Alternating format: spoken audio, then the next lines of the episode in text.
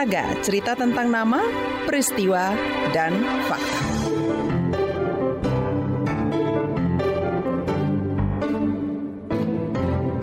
PB Jarum berjanji untuk mencopot logo perusahaannya di audisi bulu tangkis. Sebelumnya Komisi Perlindungan Anak Indonesia menyebut ini sebagai eksploitasi anak. Bulan lalu audisi kembali dilakukan di Surabaya. Apakah Jarum memenuhi janjinya? Jurnalis KBR Budi Prasetyo melongok langsung ke Gor Sudirman, Surabaya.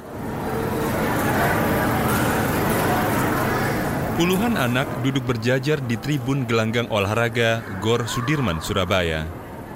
Mereka adalah peserta audisi umum bulu tangkis. Dulu namanya audisi bulu tangkis PB Jarum.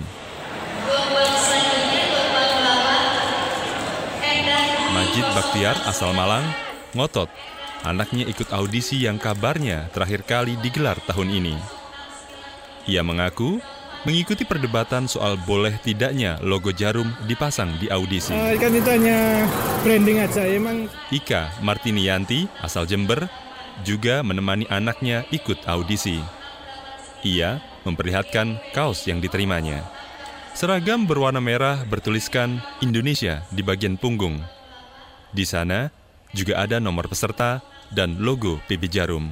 Kemenpora, KPAI, dan PBSI sepakat memberikan kesempatan kepada September lalu, terjadi kesepakatan antara Komisi Perlindungan Anak Indonesia dengan PB Jarum soal audisi bulu tangkis.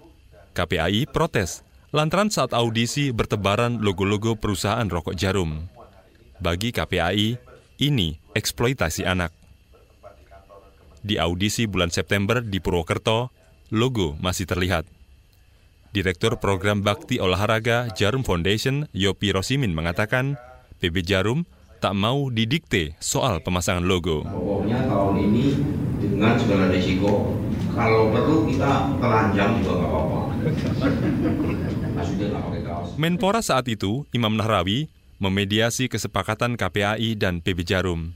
Isinya, PB Jarum menghapus logo-logo dari lokasi audisi. Bahwa PB Jarum sepakat untuk mengubah nama yang semula audisi umum beasiswa PB Jarum 2019 menjadi audisi umum beasiswa bulu tangkis tanpa menggunakan logo, merek, dan brand image Jarum.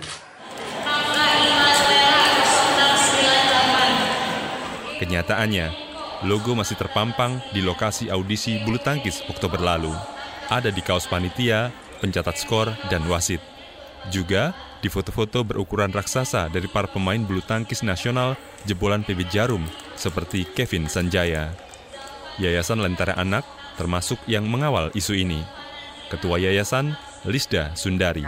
Ternyata betul apa yang Mas lihat sama dengan yang teman kami lihat bahwa masih ada uh, uh, apa di, uh, dipakai untuk uh, panitia, juri, kami sih menunggu uh, apa sih keseriusan PB Jarum. Kita ingin melihat serius nggak mematuhi kesepakatan itu. Sementara itu, pemerintah kota Surabaya tak keberatan dengan pemasangan logo.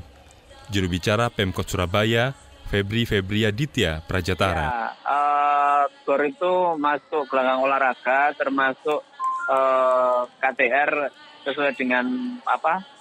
Uh, masuk kategori yang di tempat umum, mas. Nah, kalau iya. kan beda itu oh. antara jarum jarum yang mana? Jarum foundation yang bergerak di bidang sosial atau jarum yang apa komersil untuk jualan rokok kan gitu.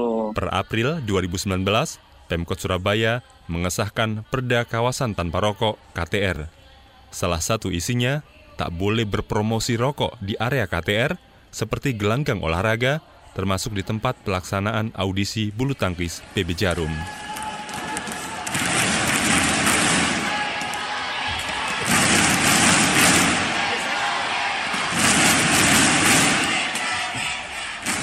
Demikian saga yang disusun Budi Prasetyo dari Surabaya. Saya Sindu Darmawan.